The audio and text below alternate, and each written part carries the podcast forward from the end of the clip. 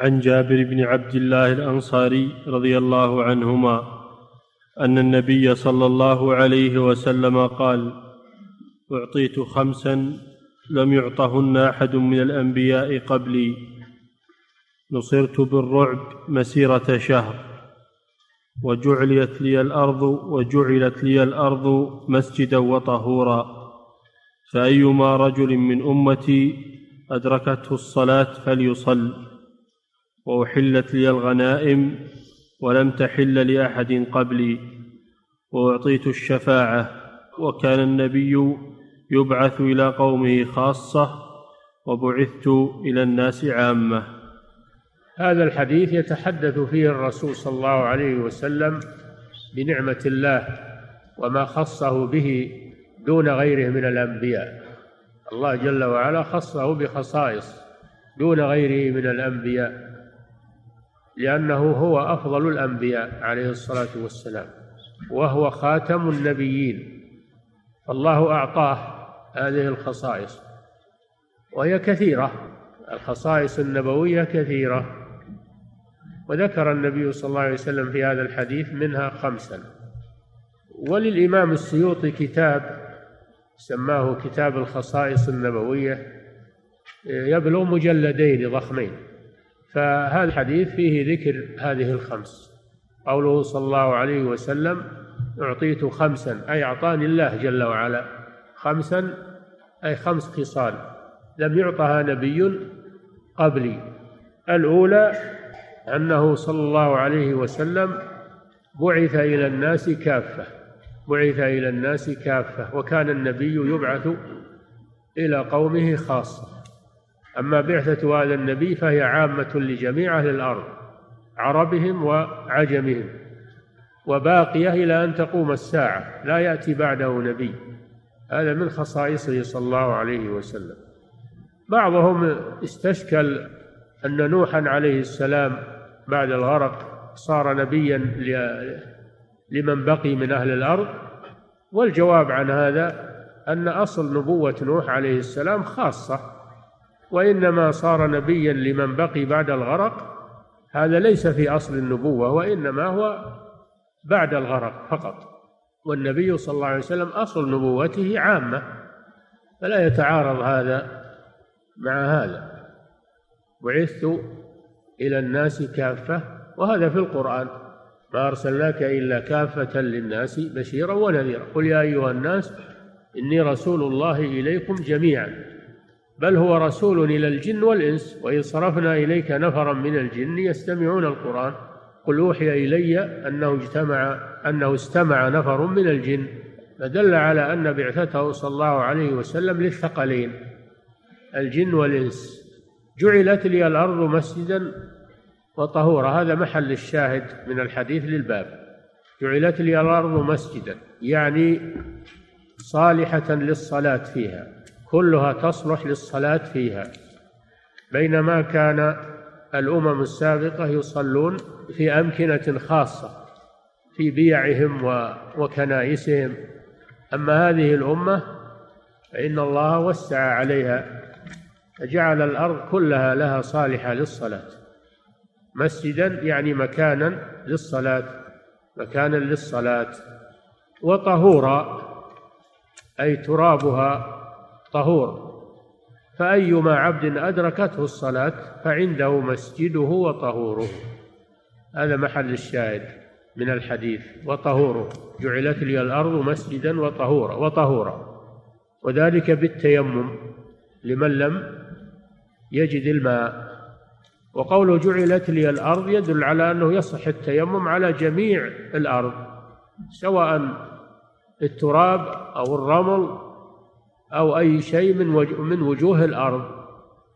فيتيمم على الأرض. أيا كان نوع هذه البقعة. وبعض العلماء يقول أنه لا يصح التيمم إلا بالتراب الذي له غبار. ولكن الصحيح أنه يجوز التيمم على جميع الأرض الطاهرة. على جميع الأرض الطاهرة. سواء كان عليها غبار أو لم يكن عليها غبار. وكذلك يصح التيمم على ما عليه غبار طاهر من الجدران والفرش والبلاط والكيس كيس كيس الطعام أو كيس الشعير أو الأكياس المملوءة. إذا كان عليها غبار فيضرب عليها ويمسح على وجهه وكفه. فالتيمم يكون بالتراب ويكون على وجه الأرض الطاهرة ويكون بالغبار الطاهر أيضا. المسألة عامة ولله الحمد ونافعة. جعلت لي الأرض يعني كل الأرض طهورا وأنه لا يشترط التراب أو أو الغبار بل كل ما كان من الأرض يصح التيمم عليه في هذا الحديث.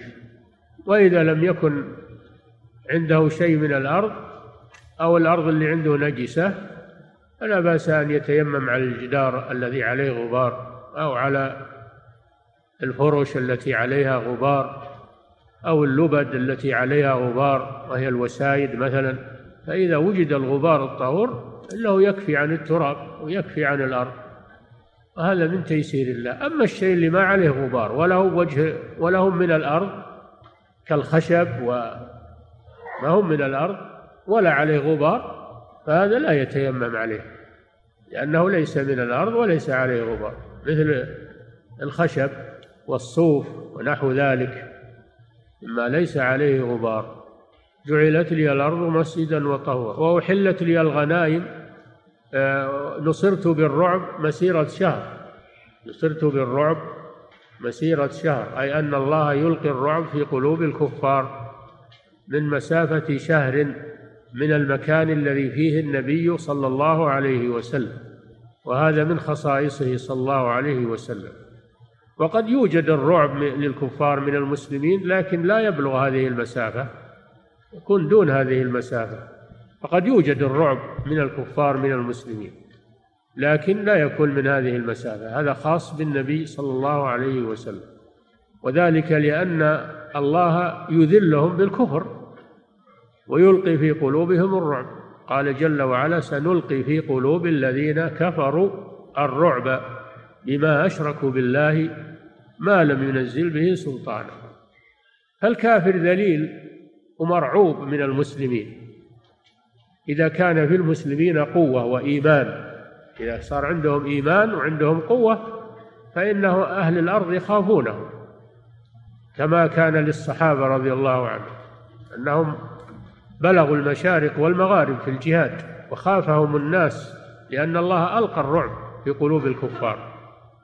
أما إذا كان المسلمون فيهم ضعف ضعف إيمان وضعف قوة فإن الأمر ينعكس يصير الذل على المسلمين والرعب من الكفار ولا حول ولا قوة إلا بالله. تنزع المهابة من قلوب أعدائكم وتلقى في قلوبكم. هذا متى؟ إذا تبايعتم بالعينة وأخذتم أذناب البقر ورضيتم بالزرع وسلط الله عليكم ذلا لا ينزعه حتى ترجعوا إلى إلى دينكم. فإذا ترك المسلمون دينهم وضعوا فيه فإن الأمر ينعكس يكون المسلمون هم المرعوبين ويكون الكفار يخوفونهم. قال يلقى في قلوبكم الوهن. قالوا وما الوهن يا رسول الله؟ قال ينزع ينزع الرعب تنزع المهابة من المسلمين وتلقى عليهم الذلة تلقى عليهم الذلة. إذا ضعف إيمانهم وضعف تمسكهم بدينهم فإن الله يسلط عليهم عدوه. لا يوجد هذا الرعب للمسلمين وهذا الخوف من الكفار إلا إذا كان في المسلمين قوة إيمان وقوة سلاح. قوتان قوة الإيمان وقوة السلاح. صرت بالرعب مسيرة شهر. وأحلت لي الغنائم ولم تحل لأحد قبلي الغنائم هي ما يؤخذ من أموال الكفار في الجهاد. ما يستولي عليه المسلمون من أموال الكفار في الجهاد. هذه هي المغانم. وهذا موجود في الأمم السابقة أنهم يجاهدون الكفار ويسبون أموالهم ولكن لا تحل لهم. بل تنزل نار من السماء فتحرقها. فلما بعث هذا النبي صلى الله عليه وسلم أحل الله له الغنائم. قال تعالى فكلوا مما غنمتم حلالا طيبا. اتقوا الله إن الله غفور رحيم. يسألونك عن الأنفال قل الأنفال لله والرسول. فاتقوا الله وأصلحوا ذات بينكم. واعلموا أن ما غنمتم من شيء فأن لله خمسه وللرسول ولذي القربى. إلى آخر الآيات. الله أحل الغنائم بالقرآن وبهذا الحديث وغيره للمسلمين. وهي أطيب أطيب المآكل ما كان من المغانم. لقوله تعالى حلالا طيبا. فهي أطيب ما يأكله المسلم. أطيب الكسب. هو المغانم في سبيل الله عز وجل. وحلت لي الغنائم ولم تحل لأحد قبلي وأعطيت الشفاعة. الشفاعة العظمى. الشفاعة العظمى في الموقف. إذا حشر الناس وطال عليهم الوقوف طلبوا الشفاعة من الأنبياء واحدا من أولي العزم إبراهيم وموسى وعيسى ثم ينتهون إلى محمد صلى الله عليه وسلم. فالأنبياء يعتذرون فالنبي صلى الله عليه وسلم إذا انتهت إليه يقبلها. يذهبون إلى آدم يذهبون إلى آدم ثم يذهبون إلى نوح عليه السلام ثم يذهبون إلى إبراهيم ثم إلى موسى ثم إلى عيسى. ثم يأتون إلى النبي صلى الله عليه وسلم فهو الذي يقبل ويشفع عند ربه حتى يفصل بين الناس ويريحهم من الموقف. ويكون هذا هو المقام المحمود الذي وعده الله جل وعلا به في قوله تعالى عسى أن يبعثك ربك مقاما محمودا هذا خاص به صلى الله عليه وسلم. سمي بالمقام المحمود لأنه يحمده عليه الأولون والآخرون عليه الصلاة والسلام. فهذه الخمس نصرت بالرعب مسيرة شهر وجعلت لي الأرض مسجدا وطهورا وأحلت لي الغنائم ولم تحل لأحد بعدي وأعطيت الشفاعة.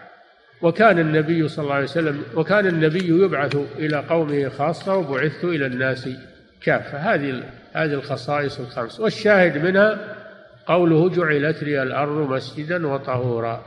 هذا فيه التيمم تيمم على الأرض تيمم على وجه الأرض وأنه يكفي عن الماء. وفيه أن أن الأرض كلها صالحة للصلاة فيها إلا ما استثني. من الحمام والحش وفيه أشياء سبعة مواطن ينهى عن الصلاة ومعاطن الإبل وقارعة الطريق. هذه المواطن تخصص وما عداها فكل الأرض صالحة للصلاة.